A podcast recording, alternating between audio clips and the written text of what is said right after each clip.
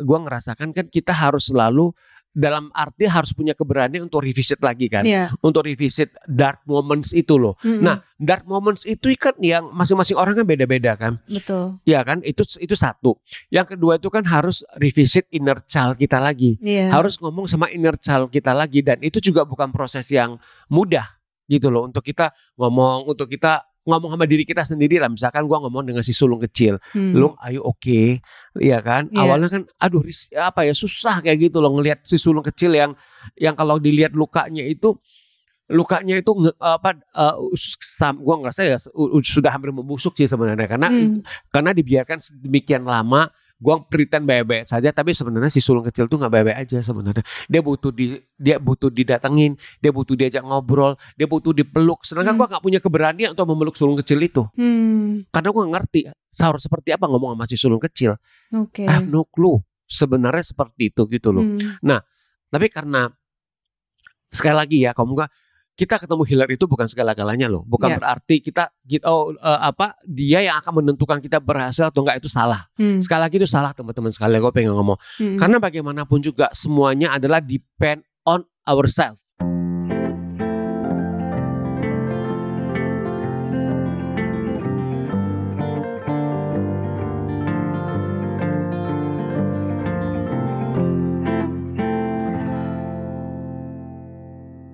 Oke, sekarang aku sudah bersama dengan Kak Sulung Landung. Dia ini seorang manajer artis, terus juga punya artis manajemen ini namanya Avatara 88 ya.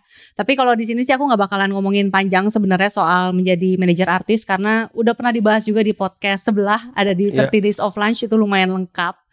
Di sini aku pengen ngomongin soal em, Kak Sulung ini sama bukunya nih, Sulung Landung dan Nyonya Ai. betul Jadi aku baca buku ini memang di kondisi yang waktu itu lagi lumayan pas gitu ya karena aku juga lagi mempertanyakan tentang relasi terus juga apalagi relasi keluarga gitu. Karena kan apa yang kita lakukan sekarang nih respons-respons kita itu kan sebenarnya itu tuh apa ya hasil dari gimana upbringing kita dulu gitu kan ya kok ya. Betul. Nah, ini yang aku pengen tanya nih ke Kak Sulung ya. Jadi di buku ini kan Kak Sulung bilang ini bukunya menceritakan tentang proses berdamai dengan Nyonya Ai, yaitu ibunya Kak Sulung betul ya. iya iya Nah, aku pengen tahu waktu itu sebelum akhirnya rekonsiliasi, itu tuh emang hubungannya Kak Sulung dengan Nyonya Ai itu seperti apa sih? terima kasih Pat eh, apa untuk undangannya di podcast kamu namanya potluck ya Mm-mm. Oke, terima kasih.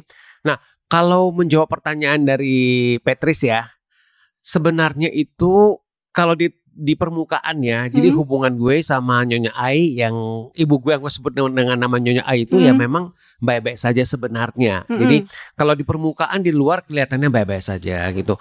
Kalau mau dibilang deket, ya begitu saja. Mau dibilang nggak deket, kami rutin berkomunikasi gitu. Nah, Oke. tapi memang sebenarnya ada apa ya ada gap kalau menurut gua istilahnya ya ada gap kemudian juga ada bara kalau kita bicara bara api yang memang ada nih nih, nih, Hmm. terutama di gua ya kayak Ya. gitu loh yang memang kalau dilihat itu gak diselesaikan juga sebenarnya ya udah nggak apa-apa juga kan seperti itu gitu Hmm. loh tapi eh, kalau kalau ah- akhirnya gua ngerasa gini loh gua nggak mau pretend itu semuanya oke eh, baik-baik saja gitu loh. Gua nggak mau pretend bahwa oh fine fine aja kok gitu loh. Maksudnya adalah arti gini loh.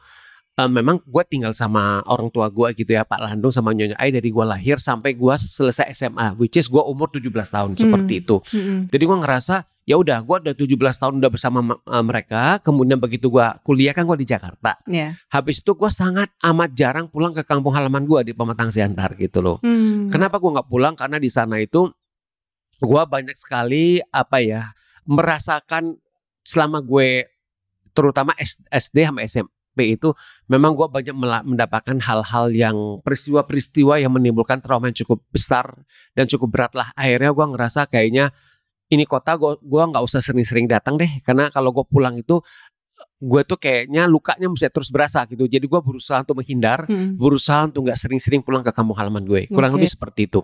Nah, kalau ditanya hubungan gue sama nyokap gue itu seperti apa kayak gitu ya. Memang seperti itu. Jadi gue menjalankan kewajiban gue sebagai seorang anak dalam arti setelah gue kerja setelah gue itu bisa mandiri, gue tiap bulan mengirimkan eh, istilahnya sebagian dari penghasilan gue itu ke orang tua gue ke Nyonya Ai sama ke Pak Landung gitu loh. Nah itu gue lakukan terus sampai sekarang kayak gitu loh. Jadi gue ngerasa sebenarnya gue sudah menjalankan kewajiban gue sebagai seorang anak. Iya kan? ya. Sebagai anak tertua, gue sudah menjalankan kewajiban gue dalam arti apa pun yang dibutuhkan oleh Nyonya Ai, selagi gue masih bisa bantu gue bantu. Hmm. Jadi gue nggak pernah questioning Hmm. dia butuh apa. Oh, eh, pokoknya buat apa mah? Gue nggak gua nggak pernah gua nggak pernah nanya hal seperti itu. Hmm. Jadi kalau sebisa gue bantu gue bantu. Itu secara finansial ya, kayak Ya. seperti itu. Jadi mungkin buat gue atau mungkin buat sebagian orang lah ya. Ya udah gue udah menjalankan kewajiban gue kok. Hmm. Iya kan? Hmm. Tapi dalam perjalanannya itu ternyata memang ada satu hal yang masih ada unfinished business antara gue sama Nyonya Ai. Hmm.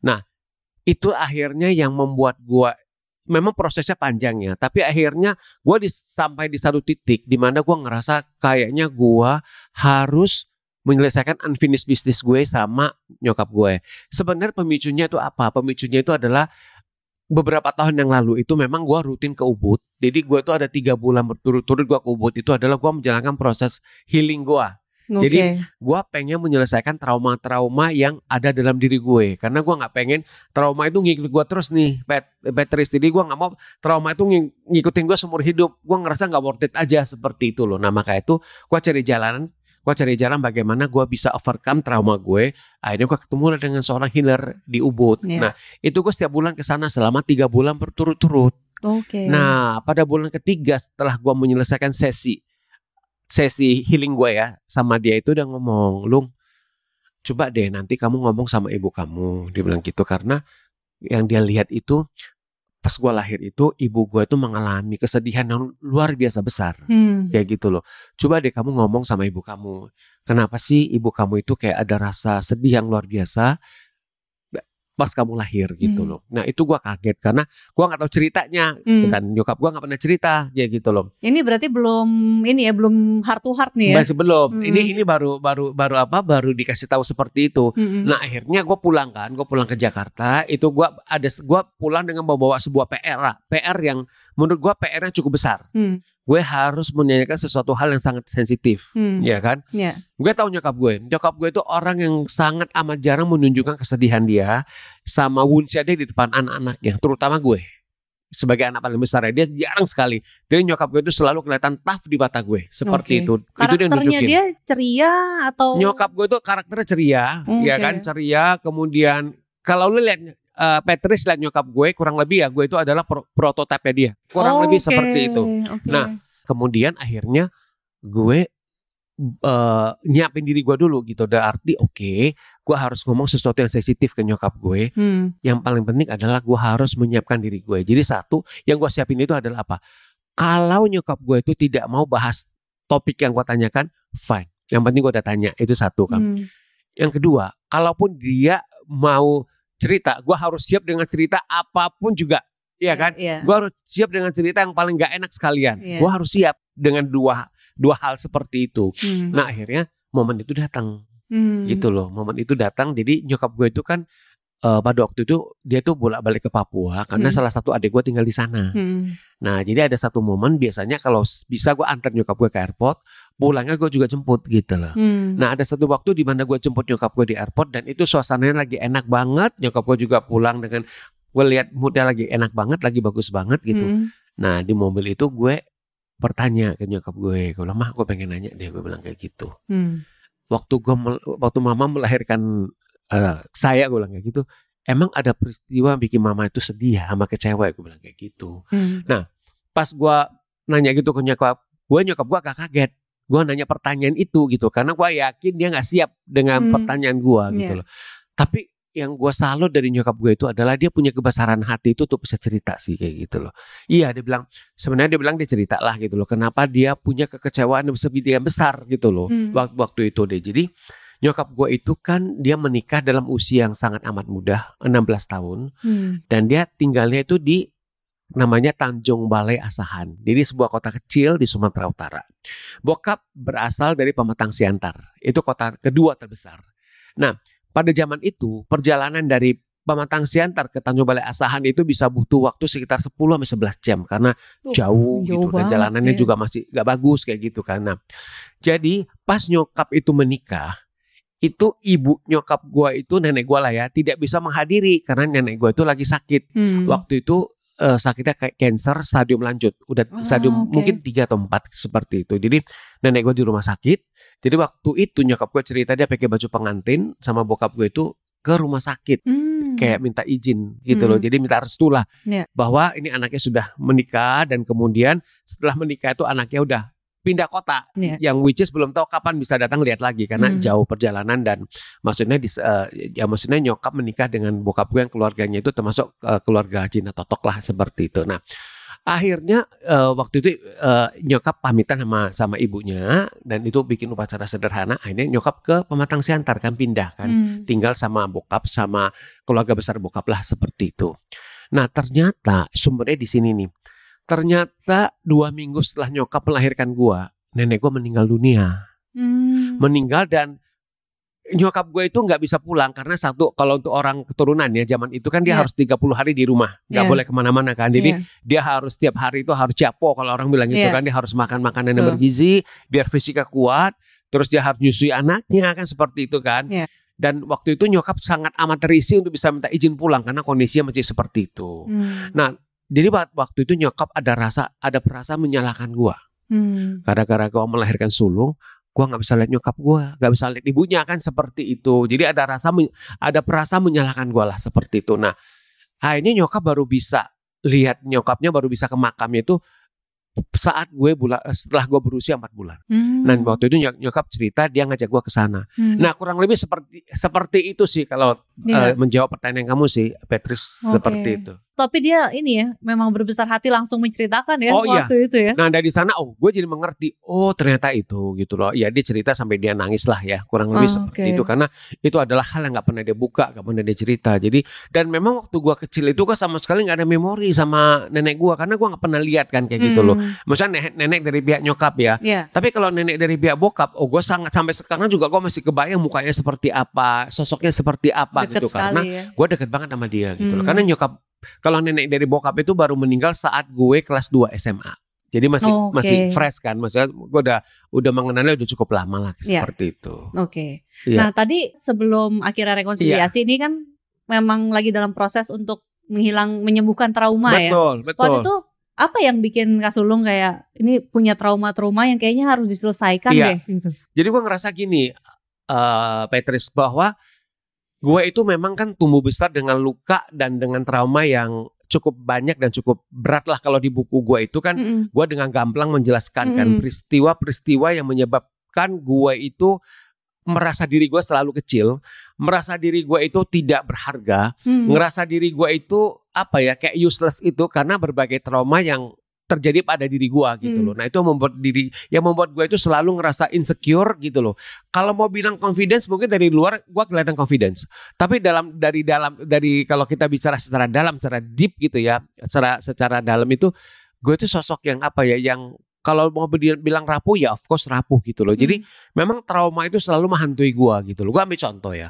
Misalkan kalau misalkan gue pengen mencapai sesuatu, gue pengen mendapatkan sesuatu, ya kalau bisa dapatin, oke, gue seneng. Tapi kalau misalkan gue gak bisa mendapatkan apa yang gue pengen dalam arti kerjaan, ya kan, dalam arti target yang pengen gue capai tapi gak tercapai, nah gue langsung merasa kecil tuh. Hmm. Itu sih memang lu gak bisa sih, memang lu gak capable sih. Eh, Kenapa dari kecil lu selalu, iya memang lu makanya kenapa dari eh, waktu kecil lu selalu dibully sama orang, karena lu gak, memang lu gak capable. Nah jadi apa ya monkey mind itu constantly datang gitu loh. Dan gua sampai satu titik itu gua ngerasa gua nggak nyaman gitu loh. Maksud Hmm. gue masa sih gue itu seumur hidup gua gua selalu dihantui oleh rasa seperti itu. Terus seumur hidup gua masa gua selalu eh, apa ya selalu dihantui sama trauma yang membuat diri gue tuh selalu ngerasa gue kecil selalu membuat diri gue tuh ya memang lu kayak gitu aja kayak gitu loh. Gue ngerasa itu nggak sehat Hmm. gue ngerasa kayaknya itu nggak bener gitu loh dan gue ngerasa itu nggak baik buat pertumbuhan mental dan me- uh, uh, buat pertumbuhan uh, mental gue gitu loh mas Iya. kurang lebih seperti itu jadi gue berpikir bahwa kayaknya gue harus cari pertolongan deh nah untuk mencari pertolongan kan pendekatan orang beda-beda ya ada yang ketemu psikolog ada Iya. yang misalkan ketemu dengan uh, apa uh, ketemu psikolog kemudian bisa ke, ke- ketemu dengan healer seperti itu ya. Nah, gue memilih untuk ketemu dengan healer karena gue Hmm. ngerasa kayaknya itu lebih works buat gue seperti itu. Hmm. Nah, akhirnya gue mencari. Nah, proses mencarinya juga panjang loh, Patrice. Jadi gak langsung ketemu satu yang cocok. Gue ketemu Hmm. dengan beberapa healer, kemudian gue ketemu gue ngobrol.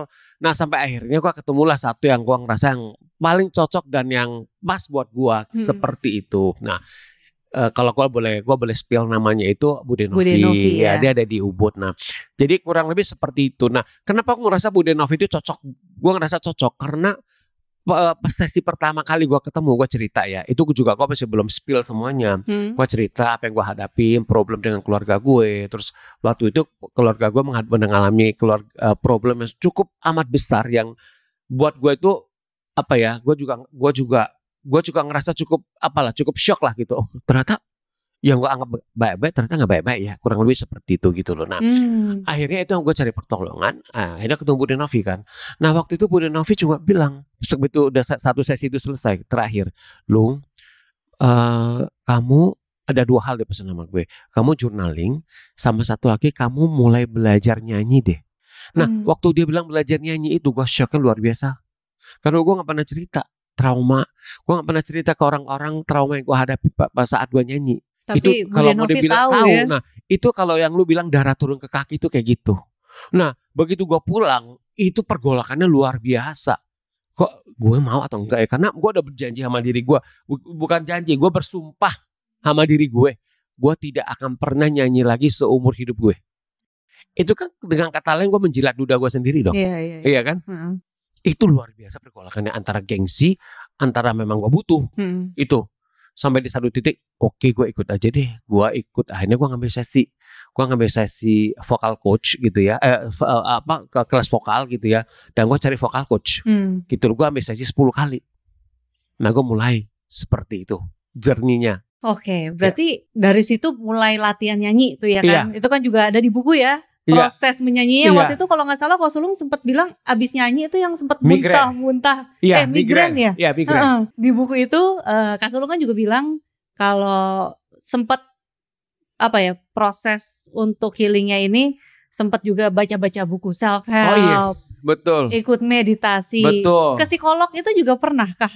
Eh, kalau ke psikolog cuma konsultasi aja sebatas konsultasi sekali kayak Oh, gitu aja sebatas konsultasi iya, ya. iya. Oke, tapi akhirnya sampai akhirnya menemukan healer ini eh, tadi kan juga menemukan healer katanya kan juga nggak gampang ya. Nggak- nggak Jadi nggak langsung ke Bude Novi Enggak. sebenarnya waktu ada itu. beberapa Ada beberapa. Iya. Itu berapa tahun gue? kurang lebih ya kurang lebih proses pencarian uh, sama proses penyembuhan diri gue itu cukup lama sih jadi kalau boleh bilang mulai dari tahun 2007 sampai 2007 sampai kurang lebih 2018 lah kayak gitu. 2000 cukup panjang cukup 11 panjang tahun. lama lama Oke. Wah lama itu banget. proses yang panjang Hmm. mungkin buat sebagian orang apaan sih kayak gitu ya Hmm, hmm, hmm. apaan sih lebay banget sih tapi kamu gue gini loh Patrice bahwa jernih orangnya beda-beda kita nggak Iya. boleh ngejudge gitu loh Hmm. makanya itu gue belajar ya kalau gue ngomong gitu mungkin buat sebagai orang apaan sih lu lebay banget sih Hmm. gitu seperti itu tapi kan dia nggak mengerti dia kan mereka kan nggak tahu eh, apa trauma yang gue hadapin kan Iya. mereka kan nggak tahu maksud gue eh, seberapa besar painfulness yang gue rasakan kan seperti itu nah demikian juga dengan orang lain juga kan jadi gue juga belajar bahwa gue juga nggak boleh ngejudge orang bahwa oh jerninya mungkin bisa lama bisa bisa cepat gitu loh Hmm, hmm, karena mereka sendiri yang ngerasain kan Iya. karena kan mereka meng-carry baggage itu. Sama kayak gue, gue meng-carry baggage gue kan seperti itu. Jadi gue nggak tahu seberapa kompleks, seberapa susah gitu loh untuk Hmm. untuk bisa menghadapi karena gini loh. Karena kan kalau gue ngelihat gue ngerasakan kan kita harus selalu dalam arti harus punya keberanian untuk revisit lagi kan. Iya. Untuk revisit dark moments itu loh. Hmm, Nah, dark moments itu kan yang masing-masing orang kan beda-beda kan. betul. Ya kan? Itu itu satu. Yang kedua itu kan harus revisit inner child kita lagi Iya. harus ngomong sama inner child kita lagi dan itu juga bukan proses yang mudah gitu loh untuk kita ngomong untuk kita ngomong sama diri kita sendiri lah misalkan gua ngomong dengan si sulung kecil Hmm. lu ayo oke Iya kan Iya. awalnya kan aduh ris- apa ya susah kayak gitu loh ngelihat si sulung kecil yang yang kalau dilihat lukanya itu lukanya itu apa uh, sam gua ngerasa ya sudah hampir membusuk sih sebenarnya karena Hmm. karena dibiarkan sedemikian lama Gua pretend baik-baik saja tapi sebenarnya si sulung kecil tuh nggak baik-baik aja sebenarnya. Dia butuh di dia butuh didatengin, dia butuh diajak ngobrol, dia butuh dipeluk. Sedangkan Hmm. gua nggak punya keberanian untuk memeluk sulung kecil itu. Hmm, Karena gua nggak ngerti harus seperti apa ngomong sama si sulung kecil. oke. I have no clue. Sebenarnya seperti itu gitu loh. Hmm, Tapi karena sekali lagi ya kamu gak kita ketemu healer itu bukan segala-galanya loh. Bukan Ya. berarti kita kita oh eh, apa dia yang akan menentukan kita berhasil atau enggak itu salah. hmm, Sekali lagi itu salah teman-teman sekali gue pengen ngomong. hmm, Karena bagaimanapun juga semuanya adalah depend on ourselves. Kita mau nggak me- me- menjalani proses itu? hmm, Kita mau nggak melewati jalan panjang itu? Oke. Kalau kita nggak mau nggak akan bisa. Lu mau ketemu dengan healer yang paling bagus sekaligus, lu mau ketemu psikolog yang paling mahal sekaligus, nggak akan bisa. Nggak akan bisa ya. Nggak akan bisa. Jadi semua is, sekali lagi is depend on us. Waktu nah waktu itu berarti apa yang membuat pertemuan Kak Sulung nih dengan sebelum-sebelumnya ya dengan psikolog dengan Iya, healer iya, sebelumnya itu eh, berarti gagal ya bisa dibilang. Boleh dibilang seperti itu. Hmm. Boleh dibilang seperti itu karena apa ya? Karena gue terlalu count on mereka. Hmm. Kok ngerasa seperti itu ya kayak Oke. gitu loh. Nah pada akhirnya sebenarnya apa? Pada akhirnya kalau menurut gue sih kunci dari itu adalah sebenarnya adalah satu keberanian dari kita untuk merevisit untuk balik lagi ke ke masa-masa yang gelap yang kita udah nggak mau lihat karena kayak itu udah udah gua bungkus rapi kan Hmm. udah dong gua bungkus rapi Iya. gua nggak mau buka lagi itu Hmm. karena buat gua itu udah jadi sampah Hmm. iya kan tapi ternyata luka itu nggak lu kalau nggak sembuhin nggak akan sembuh nah itu satu Hmm. Iya kan? Itu harus punya keberanian itu. Yang kedua adalah harus punya apa ya kesabaran sama endurance untuk menjalankan proses itu karena nggak gampang.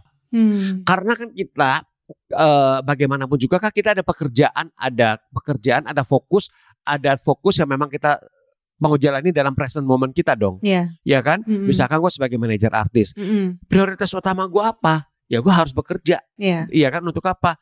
Ya untuk talent-talent gue, untuk diri gue, Hmm. iya kan? Karena priok nasi gue di sini, Iya. iya kan? Hmm. Tapi di satu sisi ada hal fundamental yang harus gue beresin sebenarnya. Hmm. Karena kalau ini di- ini diberesin, gue sebagai seorang manajer artis, sebagai talent agent, gue akan lebih kokoh, gue akan lebih jejak seperti ya seperti itu.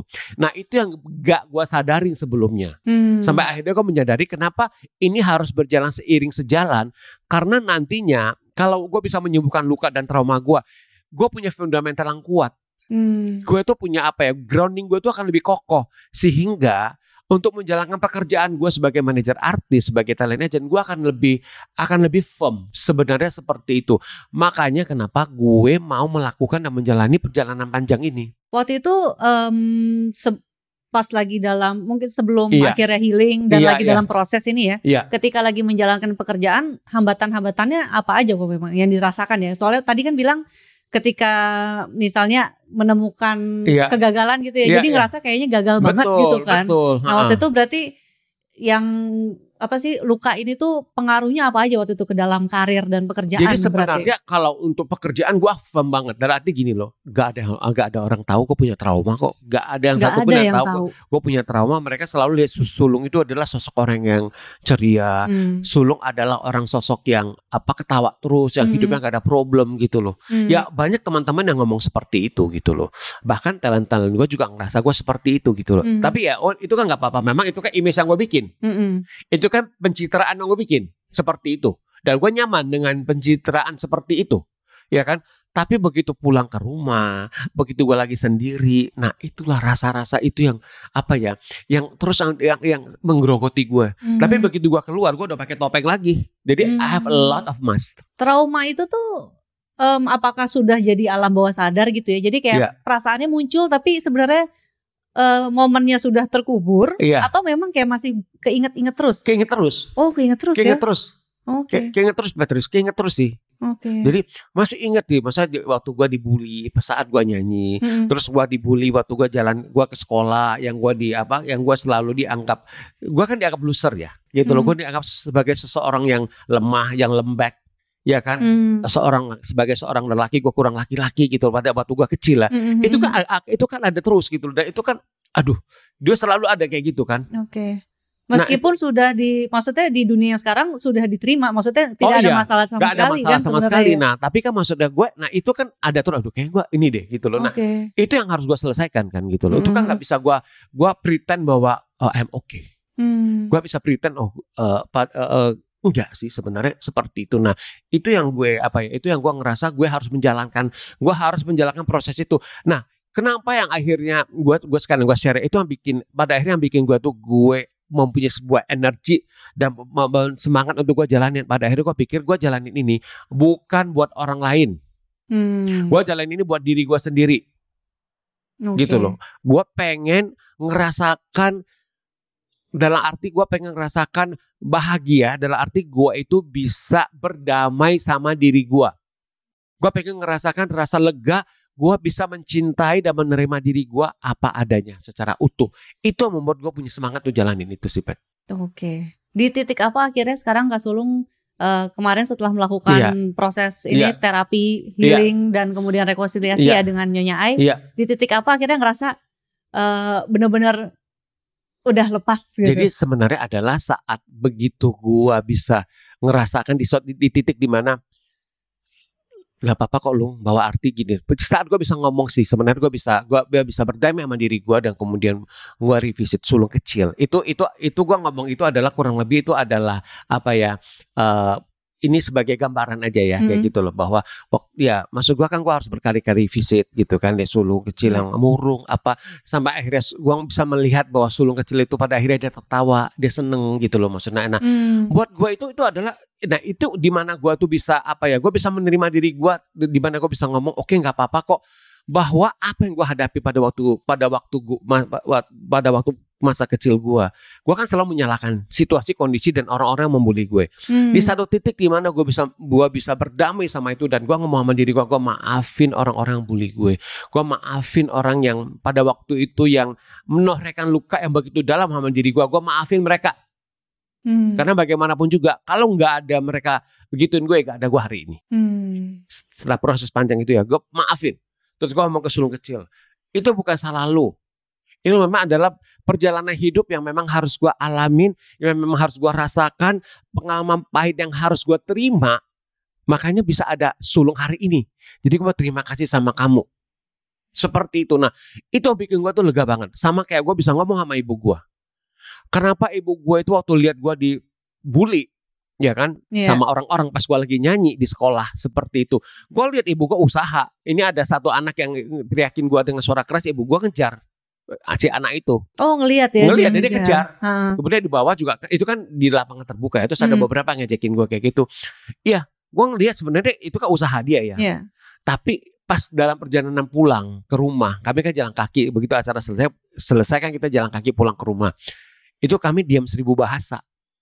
Jadi masing-masing pulang dengan eh, apa ya, dengan dengan eh, dengan pikiran kami masing-masing aja Hmm. gitu loh. Nah sebagai anak pada wak- waktu itu kan tentu dia kita pengen Umur anak kita berapa tuh. waktu itu ya? Gue umur itu gue um, kelas 5 SD. Oh, Itu iya sekitar umur berapa itu ya? 11 tahun lah Iya, ya kira-kira. iya, Ha. Kan sebagai anak umur segitu kan pengennya nyokap gan, eh, gandeng kita, gak pegang tangan gue aja. Itu kan itu Iya. rasa cukup ya. Iya. atau dia meluk gue atau dia elus gue lu oke kok lu ini sama sekali nggak ada nggak ada ngomongan seperti itu Digandeng juga enggak, Enggak. begitu waktu itu ya. Hmm. so we pretend nothing happen Hmm. Gitu aja sampai rumah biasa aja Nah. Iya. seperti itulah ceritanya ya kayak gitu loh nah begitu sampai ke rumah kan nyokap udah biasa lah dia jaga toko apa aku naik ke kamar kan gue nangis nangis nangis ya gitu gitu kan di kamar gue Hmm. di sana gue bersumpah gue nggak bakal nyanyi lagi Hmm. karena gue ngerasa bully yang gue terima hinaan yang gue terima itu membuat gue itu sebagai seorang manusia itu gue ngerasa gue gue nggak ada harganya Hmm. I'm useless gitu loh nah itu itu bikin gue tapi begitu gue keluar dari kamar gue gue udah pretend nothing happen aja jadi gue udah dari kecil gue ada gue sudah belajar gue udah belajar survive dengan cara gue sendiri gue Nangisnya juga ditahan tuh di kamar berarti ya, biar nggak kedengeran yes gitu. tapi ya nih betul Hmm. nulis aja gue Hmm. Dari kecil memang gue sudah gue sudah terbiasa untuk gue bikin gimana gue bisa nutupin perasaan gue dan gue pakai topeng yang banyak seperti itu. Gitu sih Pak. Hmm. Wow, ya itu numpuknya sampai dewasa Numpuknya sampai dewasa. luar biasa sih Yes, makanya. berbagai macam topeng gue pakai. Iya makanya aku juga eh, waktu abis baca bukunya terenyuh banget sih yang waktu akhirnya Kasulung berhasil ini kan latihan Iya. nyanyi terus lat- terus akhirnya nyanyi di depan nikahan Nah adik itu, nah itulah maksudnya yang tahun luar lalu ya. biasa banget tuh. Tahun oh, lalu itu, itu, tahun pas lalu ya? tahun lalu eh, last year Mei yes Mei 2022. Nah, eh, nah waktu waktu itu pas gue bisa nyanyi lagi di kawinan adik gue, Hmm. ya kan? dan kemudian gue melihat orang tuh tepuk tangan.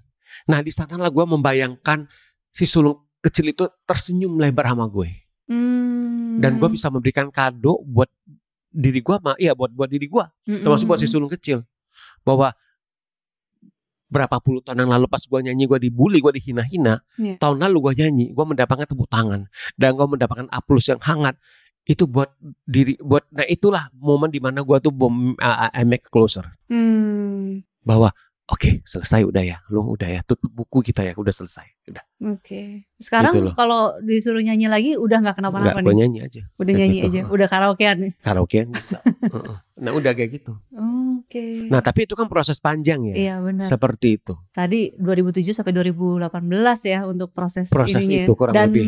closure-nya berarti baru 2022, 2022. gitu kan. Ah, ah. Panjang Nah, banget. jadi Petrus maksud gua kayak gini, hal satu hal yang gua pelajarin ya dengan apa dalam perjalanan uh, pulih ya dalam perjalanan menuju pulih. Karena kalau menurut gua semua orang mau siapa pun juga mau laki mau perempuan mau muda mau tua semua orang itu pasti pengen pulih. Semua orang itu pasti ngalamin trauma dalam hidup mereka. Gua yakin semua orang tuh ngalamin uh, dengan level yang berbeda-beda, Mm-mm. ya kan? Mm-mm. Nah makanya sebenarnya tujuan gue nulis buku itu adalah sebenarnya gue pengen berbagi aja. Mm-mm. Karena gue men- sangat amat menyadari bahwa di luar sana itu banyak orang yang ngalami mungkin trauma yang jauh lebih besar dari gue. Apa yang gue cerita mungkin gak ada apa-apanya ya gitu loh. Bukan sekali lagi bukan membandingkan. Mm-mm. Tapi sekali lagi beda-beda. Nah tujuan gue itu nulis buku itu adalah sebenarnya gue pengen berbagi aja bahwa teman-teman yang lagi struggling untuk berjuang untuk men- menuju pulih ya Mm-mm. gitu bahwa mereka nggak sendiri gitu loh. Gue Mm-mm. juga ngalami hal yang sama kok kayak gitu loh dan eh, mungkin dua per tiga dari umur gue itu gue gua habiskan untuk eh, apa gue berjuang untuk bagaimana gue bisa memulihkan Mm-mm. trauma gue. Eh, proses pemulihan trauma tidak mengenal usia ya. Enggak, enggak sama sekali tidak mengenal usia. Jadi kita nggak boleh ngerasa kalau menurut gue ya, oh gue Mm. udah terlalu tua. Mm-mm. Jangan ada rasa seperti itu. Jangan pernah. Karena gini loh, kita melakukan itu buat diri kita sendiri kok. Nggak tuh orang lain kalau menurut gue. Itu itu fundamental yang paling penting sih. Kalau kita melakukan itu buat orang lain, nanti pada titik di mana kita akan ngerasa kita kosong lagi sih sebenarnya. Buat Mm. apa ya? Gitu loh. Nah gue nggak pengen seperti itu. Buat diri gue. Karena kalau kita bisa perjalanan itu untuk memulihkan memulihkan segala hal ya Mm-mm. Ya, jadi kita jadi nah, punya kekuatan untuk kita untuk kita rekonsiliasi dengan orang-orang yang kita anggap kita perlu rekonsiliasi. Mm. Salah satu kalau gua dengan ibu gua kan kayak Iya. gitu. Dan Itu loh. sekarang jadinya hubungannya juga Oh, baik solid banget, banget, solid ya. banget kayak gitu loh. Mm-mm, mm-mm. Seperti itu. Nah, itu aku ngomong ke ibu gua bahwa mah kalau mama bisa rekonsiliasi sama gue gitu sama sama gue dan kita bisa menyelesaikannya dengan manis gitu ya. Nah, tentu saja mama juga bisa dengan adik-adik, terutama dengan adik gue, adik gue nomor 2, nomor 3 gitu loh. Karena kan nyokap gue itu kan melahirkan gue, setahun kemudian lahir gue lagi. Setahun kemudian lahir gue adik gue nomor 3. Jadi dia beren- berentetan Oh. gitu loh. Nggak ada jedanya ya. Dan waktunya udah habis buat Iya. melahirkan dan ya men- menjaga Ngurus anak. eh, eh, Heeh. anak-anaknya seperti itu gitu loh. Hmm. Ini di bukunya kan Kak Sulung juga bilang ya, eh, ya sebelum menulis buku ini minta izin dulu kan, Oh, pasti ke Nyonya Harus, Ai. Heeh. Harus. Waktu itu reaksinya gimana? Jadi gini, kalau gue kan kita nggak boleh egois ya. Mm-mm. Maksudnya berarti gini, gue nulis buku ini kan gue juga pengen ada Nyonya Ai juga terlibat Mm. secara f- eh, penuh dalam arti terlibat secara emosi sama secara hatinya itu dia harus ada dan dia harus support kan seperti itu. Nah, jadi sebenarnya penulisan buku ini juga terjadi kalau kamu tanya awalnya gue nggak pengen pet sama sekali gue nggak pengen karena apa karena kan gue udah nulis tiga buku soal artis manajemen kan Mm. ini kan buku yang temanya totally different kan Betul. gue juga kan ada pikiran juga orang nggak mikir ngapain sih nulis kayak gitu Mm. orang orang udah tahu gue sebagai manajer artis bahwa apa gue nulis buku tentang manajemen apa segala macam udahlah image gue udah di sana ya. Mm. kok gue tiba-tiba nulis buku soal pengalaman masa kecil gue soal apa hal-hal yang tidak enak yang gue hadapin gitu. Terus hubungan gue sama nyokap gue nggak baik-baik aja. Itu buat apa ya kayak gitu loh. Apa? Suruh mau cari perhatian. Kan bisa aja kayak gitu Hmm. dong caper kali. Dia cuma caper aja kali gitu. Itu Mm. gue jaga. Gue nggak pengen kayak gitu kan. Nah tapi eh, teman dekat gue yang dia juga jadi editor gue namanya Reda Gaudiamo itu dia yang terus mengencourage gue Mm. Petrus jadi tiap setiap kali ketemu dia nanya dia nanya sampai pertemuan kelima loh dia masih berusaha men- men- apa mendorong gue tuh nulis itu Berarti Mbak Reda tahu prosesnya Kak Sulung. tahu sebenarnya gini awalnya itu adalah dia cuma lihat di di Instagram gue hubungan gue hubungan gue sama nyokap gue menurut dia hubungan gue sama nyokap gue itu manis Oke. menurut dia ya Karena gue tulis kan yang yang setelah gue bisa ini ya, kita rekonsiliasi lah. Mm-mm. Gue bilang, Mbak Reda, yang lu lihat itu yang manis aja itu udah gue urusan gue sama nyok- nyokap gue udah beres gue bilang sebelumnya kita nggak kayak gitu gue bilang gitu Oh, Oke. terus Mbak Reda bilang kenapa lu nggak tulis aja hubungan perjalanan lu sama nyokap lu dari yang nggak baik-baik jadi baik-baik karena di luar sana orang butuh lolong kayak gitu aja Hmm. enggak ah, gua nggak mau gue bilang kayak gitu pertama pertemuan Tahun kedua berapa tuh inget gak? eh, itu persis satu setengah tahun yang lalu Oh, Oke. kayak gitu jadi tahun 2021 ya Heeh. Nah, awal enggak ah, gue bilang kayak gitu. Caper. Terus dia diam. Kedua kali, lu lu nggak pengen ya? Enggak, Mbak. Udah dia dia nggak ini gue. Pertemuan ketiga, lu coba lu pikirin deh. Kayak lu harus nulis deh. Sampai pertemuan kelima lo. Akhirnya gue luluh ya. Karena karena setiap kali eh, ketemu pulangnya pasti gue mikirkan, ini purpose-nya apa ya? Apa ya yang semesta pengen sampaikan ya kayak gitu. Kenapa gue harus cerita ya gitu loh. Akhirnya gue bilang gini deh mbak, gue ada dua syarat. Bahwa satu, gue harus ngomong dulu, harus izin dulu sama nyokap gue. Karena Hmm. itu kan ngomongin dia ya. Iya. Dia nyaman atau enggak gitu loh. Gue nggak tahu nyokap gue nyaman atau enggak. Kalau dia nyaman, dia mau, oke kita gue akan mulai. Sama yang kedua adalah, lu harus jadi editor gue. Kalau enggak, gue nggak mau. Gue bilang kayak gitu. Hmm. Oke, akhirnya aku ketemu nyokap, gue cari waktu ke rumah nyokap, makan, ngobrol. Gue minta izin mah, gue mau nulis buku. Ini bukunya kali ini agak beda. Gue cerita lagi gini gini gini. Tapi mbak akan banyak tadi beririsan dengan mama. Gue bilang kayak gitu. Hubungan gue dengan mama yang nggak baik-baik saja, sampai akhirnya bisa baik-baik saja gitu loh. Mama keberatan nggak?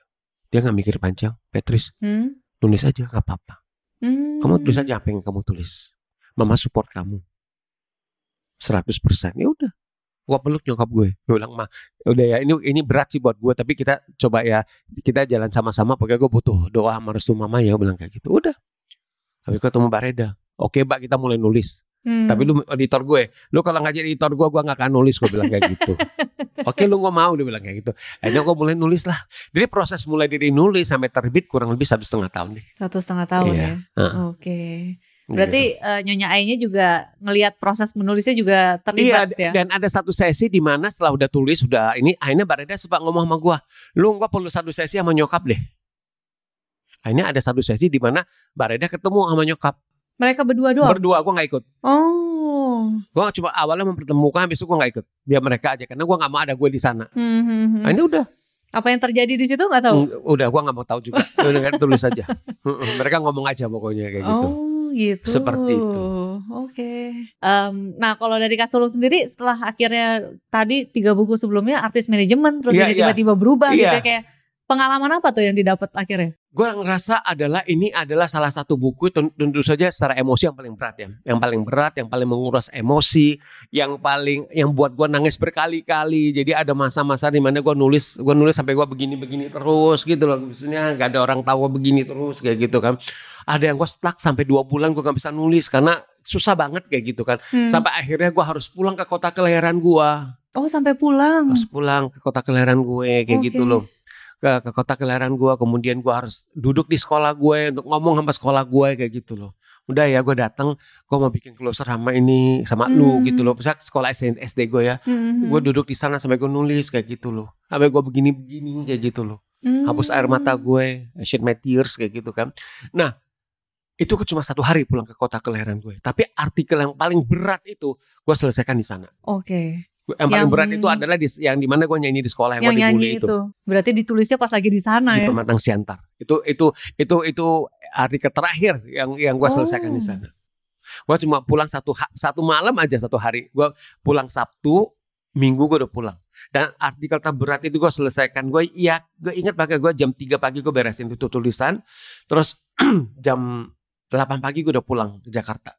Gue udah, gue udah dari Pematang Center gue ke Medan, dari Medan gue naik pesawat ke Jakarta. Leganya luar biasa. Bener ini juga jadi kayak terapi sebenarnya nulis bukunya Gitu. ya. Luar biasa. Oke. Nah kurang lebih prosesnya seperti itulah. Ya. Oke, em, ini deh satu pertanyaan terakhir Iya. kali ya. Jadi em, terlepas dari memang banyak luka ya Iya, yang akibat dari ya Iya. dibesarkan Iya, gitu kan oleh orang tua, baik Nyonya Ai Iya. sama Pak Landung, Bandung, juga ya, ya. ya, ya. Tapi pasti kan eh, di bukunya juga aku baca Kak Sulung juga bilang maksudnya ada kayak apa ya? em, kedisiplinan atau kerja keras yang mereka Oh, ajarkan yes. juga gitu. Yes, itu Nah. gua nggak bisa lupa. Itu apa yang akhirnya dibawa sampai sekarang untuk dilakukan di kerjaan sebagai manajemen artis ini? Jadi satu adalah menurut gue ya, yang diajarin sama orang tua gue, bokap nyokap gue itu adalah eh bahwa bahwa lu mau kalau mau sukses, lu mau berhasil itu satu gak ada namanya jalan pintas, Hmm. nggak ada namanya jalan jalan instan itu tidak ada. Jadi satu lu harus kerja keras. Kerja keras itu apa? Kerja keras itu adalah satu itu lu harus disiplin. Jadi kayak gua waktu zaman itu waktu gua SD itu kan bokap gua punya toko ya, punya toko ikan asin Ya. ya kan sama jual hasil-hasil bumi gitulah kayak gitu. Itu itu di di pasar Horas. Jadi kita tinggal di, di, di ruko, bawah toko, atas tempat tinggal kita. Hmm. Jadi dari SD itu begitu pulang sekolah, udah selesai sekolah gua naik ke atas ganti baju, gua udah turun ke bawah jaga toko. Hmm. Biasanya gua selalu jaga di kasir, jadi uang terima uang. Iya. Terus yang- itu kan jaga di sana. Nah biasanya gua jaga sampai toko tutup. Every day, from Monday until Sunday. Nggak ada hari libur ya? Gak ada siap karena tokonya gak pernah tutup. Tutupnya jam? Tuk- tutupnya jam 6 sore, Wow. bukanya oke. jam 7 pagi. Wow. Seperti itu tiap hari. Oke. Gua lakukan itu dari jam dari gua SD sampai gua SMA. Setiap hari seperti itu. Itu satu. Yang kedua, kalau misalkan bokap lagi susah, ekonominya lagi turun, kita tahu tuh. Kalau usaha bokap lagi turun itu selain selain sepi, udahlah ya, barang-barang jadi dikit gitu kan. Biasa nyokap langsung bikin kue. Gue udah tahu itu. Hmm. Bisa kue kering, bisa kue-kue basah. Nah, biasanya setiap kali gue mau sekolah kalau untuk kue basah ya, Hmm. gue itu pasti mampir dulu ke pasar. Gue taruh dulu. Kita kuncinya sih ada Oke. beberapa to- eh, warung yang terima kue-kue basah dari Nyonya Ai kayak Iya. gitu loh. Gue taruh.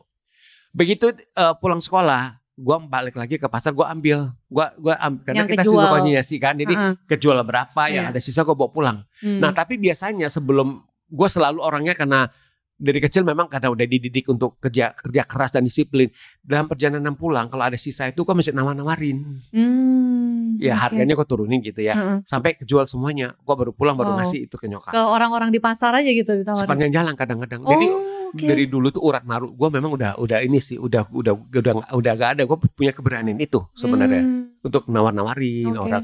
Dan mungkin orang jadi kasihan kali ya karena anak, Anak SD, kecil anak gitu kecil kali nawarin ya. kayak gitu kan. itu nah kalau kue kering biasanya nyokap bikin titip di toko. Nah biasanya gue yang bawa. Karena gue anak paling gede gue jalanin. Nah itu gue lakukan gitu loh. Gak ada beban. Hmm. gue dengan senang hati jalanin aja kayak Hmm. gitu loh.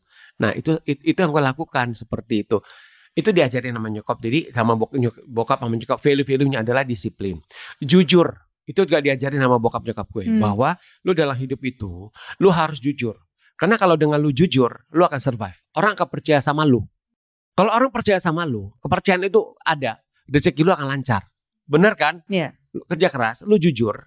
Lu jujur kan lu akan dipercaya. Nah gimana caranya lu menjaga eh, kepercayaan orang berikan itu ya lu harus konsisten jalanin value lu seperti itu Hmm. bahwa lo harus jujur, lo harus clean and clear. Nah itu dari dulu gue diajarin sama bokap nyokap gue seperti itu. Dalam melakukan apa pun harus transparan, harus apa adanya, harus clean and clear. Lu seperti itu rezeki lu itu insya Allah akan panjang. Rezeki lu itu akan lancar seperti itu. Yang satu selain itu itu adalah bahwa harus terus belajar. Jadi waktu gue mau ke Jakarta, gue kan sama bokap hubungannya juga kan awalnya kan nggak deket ya. Sampai gue kuliah juga, gue gua hubungan gue sama bokap baru deket tiga tahun sebelum bokap meninggal. Waktu itu bokap sakit baru deket lah secara hati ya. Sebelumnya kan Hmm. ya gitu-gitu aja lah. Anak laki sama bapak kan kita tahu sendiri ya. Tipikalnya kan seperti itu. Cuma waktu itu bokap ada pesan sama gue dan gue baru gue berasa bahwa itu dia sayang sama gue. Lu, lu tinggal di Jakarta. Dia pengen gue Ho. Nama nama nama apa nama mandar nama itu gue Mandarin gue itu adalah Pau Ho. Hmm. Jadi dia pengen gue Ho. Pokoknya lu ke Jakarta itu beda banget sama Siantar ya. Siantar kota kecil itu adalah kota besar, ibu kota metropolitan. Itu hutan belantara lu gak pernah tahu. Jadi cara lu bertahan seperti apa? Cara, cara lu survive seperti apa? Lu gak usah sok pinter. Hmm. Kalau orang anggap lu bodoh, orang anggap lu tolong, gak apa-apa, malah bagus. Itu kesempatan lu untuk apa? Lu belajar sama semua orang. Lu serap semua ilmu mereka. Lu belajar sama semua orang, sama siapa pun aja lu belajar. Itu kunci lu survive, itu kunci lu sukses. Jadi kamu ke ibu kota, kamu ke Jakarta, kamu gak boleh sok tahu. Hmm. Udah, orang anggap lu bodoh. Orang anggap lu gak tahu apa-apa. Orang anggap lu tolol. Gak apa-apa banget dia bilang gitu. Lu belajar dari sana. Itu yang gue lakukan. Itu modal gue ke Jakarta. Hmm. Seperti itu. Nah, itu yang ajaran dari orang tua gue yang gue bawa sampai sekarang. Makanya itu sampai sekarang itu. Seharusnya kan gue kan nggak harus masuk ya ini di di Avatar kan jadi gue bikin tiga minggu uh, seminggu tiga kali masuk ya Mm-mm. gitu apa di di di di di, di kantor Avatar seminggu tiga kali dua hari lagi Devi orang admin Avatar itu di, di kantor Hmm. tapi gue kalau nggak keluar kota gue kalau nggak ada meeting di luar gitu ya gue selalu sempatkan diri untuk datang ke kantor Hmm. karena gue seneng buat gue itu adalah energi yang harus selalu gue bagi jadi gue gue selalu percaya namanya energi jadi gue harus taruh energi gue tuh di di kantor Hmm. itu penting buat gue. Jadi kalau gue nggak ada energi itu tetap ada. Itu masalah kepercayaan ya, Iya. Petris ya kayak gitu. Heeh. Itu kan lakukan itu. Dan gue seneng. Itu kan itu kan buat satu. Itu kan membutuhkan disiplin dan konsistensi kan. Iya. Itu gue lakukan. Nah seperti gue setiap pagi ya, gue itu ya itu beda-beda. Gue itu adalah morning person. Jadi gue lebih memilih kalau gue nggak ada kesibukan dan nggak ada kerjaan, eh, nggak ada keluar kota atau gue nggak harus menghadiri acara sampai malam. Hmm. Gue memilih tidur jam 10.30 paling telat jam 11. Hmm. Gue bangun jam 6. Gue lebih memilih itu daripada gue bangun jam 9. Gue memilih bangun jam 6. Jam 6 gue bangun, gue beresin kasur gue sendiri. Gue nggak mau orang lain beresin kas- kasur gue, tempat tidur gue. Gue beresin sendiri. Gue beres apartemen gue, Hmm. nyiram tanaman. Gue ibadah, gue sembahyang, gue olahraga. Habis itu udah gue baru melakukan kegiatan saat setiap hari seperti itu dan gue senang, gue happy melakukan rutinitas itu. Mungkin buat sebagian orang rutinitas itu membosankan ya buat enggak Hmm. rutinitas itu adalah joyfulness buat gue gitu loh karena tiap hari itu gue selalu ada ada sesuatu yang gue dapatkan dari apa yang gue jalani tiap hari itu Walaupun rutinitas tapi Iya. selalu pengalamannya berbeda-beda gitu ya. buat gue ya Heeh, heeh, orang bilang apa sih bosan enggak buat gue joyful Oke. seperti itu sih orang beda-beda ya Iya iya iya. Tapi- iya. I deeply enjoy Dan ini ya Betul. kedisiplinan untuk juga ke kantor setiap hari, Oh, iya. walaupun tidak harus seminggu sebenarnya tiga berarti. kali kalau enggak aku pasti datang at sejam sejam setengah gue datang gue happy gue seneng ketemu orang at Devi nah nanti kalau gue kan punya talent manager juga itu biasa gue sebulan sekali ngomong sama mereka ngumpul makan siang di kantor kayak gitu loh Hmm. seperti itu kalau urgent ya mungkin bisa sebulan dua kali tapi kan kita punya grup WhatsApp kita bisa ketemu kapan aja kan Iya. di luar kayak gitu loh Hmm. nah itu yang gue lakukan dan gue seneng melakukan hal seperti itu gitu loh Hmm. dan gue berharap ya gue akan jalanin itu terus sih value ini gue akan jalanin gue akan terapin terus seperti itu Itu juga berkat ini ya, waktu kecil dididik Iya, dengan gini loh. sebegitunya ya. gue mengkomen kalau orang sekarang bi- bicara eh, apa word smart. Gue setuju. Heeh. word smart harus. Apalagi sekarang dalam situasi pandemi sekarang dengan Iya. kita era digital kita bisa kerja dari mana aja kan? Tapi menurut gue kita harus bisa mengkom- kita harus mengkombin itu dua-duanya sih. Itu akan harmoni dan itu bisa seiring sejalan sih kayak gitu. Hmm. complete each other sih. Baiklah kalau begitu Eh, Kak Sulung terima kasih terima banget kasih banyak. buat thank you for having me. terima kasih. Seru sekali. Semoga ya obrolan dari Kak Sulung tadi cerita-ceritanya juga bisa ini ya. Apa ya? em, aku baca buku Sulung dan Nyonya A itu Iya. seperti memang menjadi teman gitu. Iya. Jadi moga-moga juga bisa jadi teman dan juga ada pembelajaran lah ya yang Yes. bisa didapat dari situ ya. amin terima kasih Oke, terima kasih terima kalau kasih gitu. sampai bertemu lagi Sampai jumpa lagi. terima kasih Petris terima kasih